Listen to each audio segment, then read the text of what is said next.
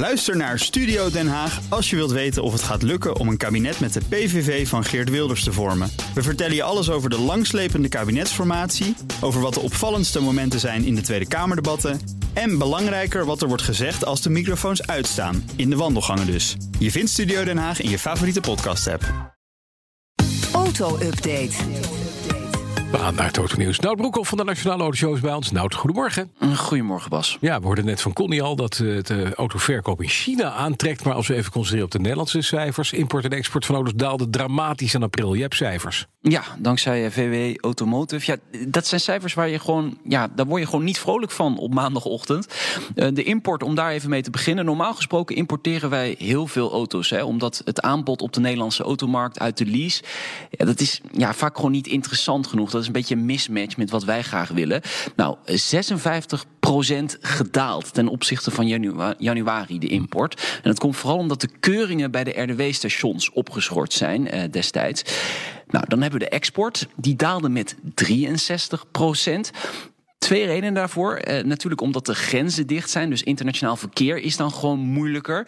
En ook de vraag uit het buitenland is gewoon sterk afgenomen. Dus al de auto's die hier uh, niet interessant genoeg zijn voor ons, die wij graag naar het buitenland willen, die wil het buitenland op dit moment gewoon niet hebben. Dus ja, daardoor is er gewoon op dit moment uh, ja, een soort status quo. Uh, ja, geen handel, import. Klaar.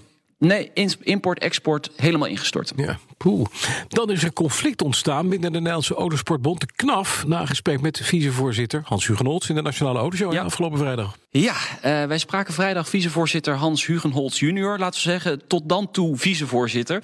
Ja. En uh, dat interview heeft nogal wat teweeg gebracht. Uh, die Hugenholz reageerde bij ons op het ja, eigenlijk versoepelen van de coronamaatregelen die week. En of dat nou echt perspectief biedt voor de autosport. Nou, hij deed de, de volgende uitspraak over de noodzaak van een vaccin voor het organiseren van evenementen. Decreet, uh, er moet een vaccin zijn. Wat betekent dat? Moet ja. in heel Nederland ingeënt zijn? Uh, moet iedereen getest zijn? Ja, ik moet zeggen, ik kan daar niet echt makkelijk mee overweg. Ik vind het allemaal van die, van die vage kreten. Laten ze met iets concreets komen. En laten we beseffen dat als we bepaalde sectoren willen laten overleven, hele belangrijke sectoren, dat het helaas misschien betekent dat er nog steeds mensen zullen overlijden ja. aan corona. De gemiddelde racer, zeg maar, hè, de gentleman racer, die is wat ouder, is een man, heeft vaak misschien iets te veel gewicht bij zich, heeft misschien ook nog wel een, een ander mooi leven gehad. Dat is wel een risicogroep, of, of valt dat er wel mee? Nou, ik zit volgens de, de normen zit ik zwaar in een risicogroep, maar ik wil racen. Ja, ik wil gewoon rijden, ik wil gewoon ja. naar circuit, ik wil gewoon met, van mijn auto's kunnen genieten. Ja, en dat zei Hans, inderdaad een bevlogen, zeer gepassioneerd uh, automobiel, ja. uh, echt een coureur ook. Dat schoot ja, in het verkeerde keelgat van de rest van het bestuur, begrijp ik. Ja, uh, verschillende sites schreven over dit interview, eigenlijk gelijk nadat onze uitzending klaar was. En in het weekend kwam de Autosportbond met een verklaring waarin voorzitter Peter Doorn krachtig afstand neemt van deze uitspraken van Hans Hugenholz. Volgens de bond is het zijn mening. Hij is sinds februari geen actief bestuurslid meer, blijkt nu. Maar dat wist de buitenwereld niet. Het stond ook nog gewoon op de website dat hij gewoon de vicevoorzitter van uh, de KNAF uh, was.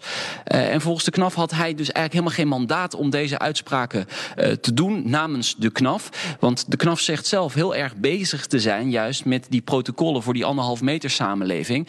En de voorzitter uh, Peter Doorn die voegde er nog aan toe dat ze werken aan een plan om in september weer te gaan racen als alles goed gaat. Maar ja, dat uh, ligt natuurlijk aan hoe het uh, coronavirus zich uh, de komende tijd ont, ontwikkelt. Ja. Inmiddels is de site van de KNAF aangepast. Hans Hugenholz junior staat er wel nog op als vicevoorzitter, maar niet meer als actief lid van het bestuur. Hij is niet actief meer. Maar nog wel vicevoorzitter. Ik begrijp er niks meer van, maar nog wel vicevoorzitter. Ja, hij staat dus hij staat absoluut nog wel op de website, maar tussen haakjes staat erachter niet actief. Oké. Okay.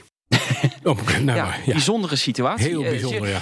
Nou ja, ik heb natuurlijk ook even wat andere mensen gesproken die uh, bij uh, de KNAF hebben gewerkt. Die zeggen, ja, het is de laatste jaren al uh, vaker gebeurd dat dit soort meningsverschillen ontstaan. Hm. En onder andere Guido van der Garde, hè, oud Formule 1-coureur, is daardoor opgestapt als bondscoach. Dus ja, er speelt gewoon heel veel binnen die KNAF. En ja, dit conflict staat niet op zichzelf, volgens nee, mij. Precies. Daar heeft Hans Hugenholz heel veel invloed, volgens mij, in de autosportwereld. Maar we gaan het verder zien.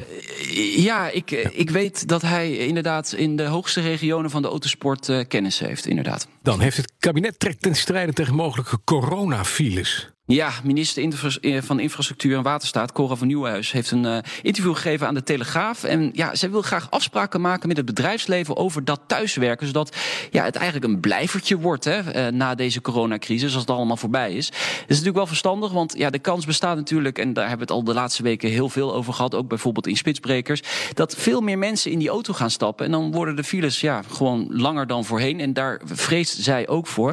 De vraag is natuurlijk nu wel van ja, welke afspraken gaan ga je daar dan over maken? Ga je dan zeggen uh, tegen bedrijven: je moet mensen twee keer in de week of drie keer in de week uh, thuis laten werken? Of uh, mensen moeten um, s ochtends thuis werken en smiddags mogen ze op kantoor zijn? Oh, flexibele ja, werktijden, ja. waar Rut op doelde. Ja, Laten ja, beginnen. flexibele werktijd. Ja. Laten beginnen. Dat zou het OV bijvoorbeeld heel erg kunnen ontlasten. Het OV heeft natuurlijk met de piekbelasting in de, in de spits uh, een groot probleem. Zeker als uh, de capaciteit erg terugloopt vanwege de coronavirus. Dus misschien dat daar dan inderdaad wat meer animo voor is bij bedrijven. Maar welke afspraken concreet nu, ja, dat, dat vind ik dan weer een beetje vaag. Dank je zo zeggen. Nou, Broekhoff. De BNR Auto Update wordt mede mogelijk gemaakt door Lexus. Nu ook 100% elektrisch. Ook Diana Matroos vind je in de BNR-app. Ja, inderdaad. Je kunt live naar mij luisteren tijdens de Big Five. Ook handig in de BNR-app. Breaking nieuwsmeldingen, maar ook het allerlaatste zakelijke nieuws. En je vindt in de app alle BNR-podcasts, waaronder Wetenschap Vandaag. Download nu de gratis BNR-app en blijf scherp.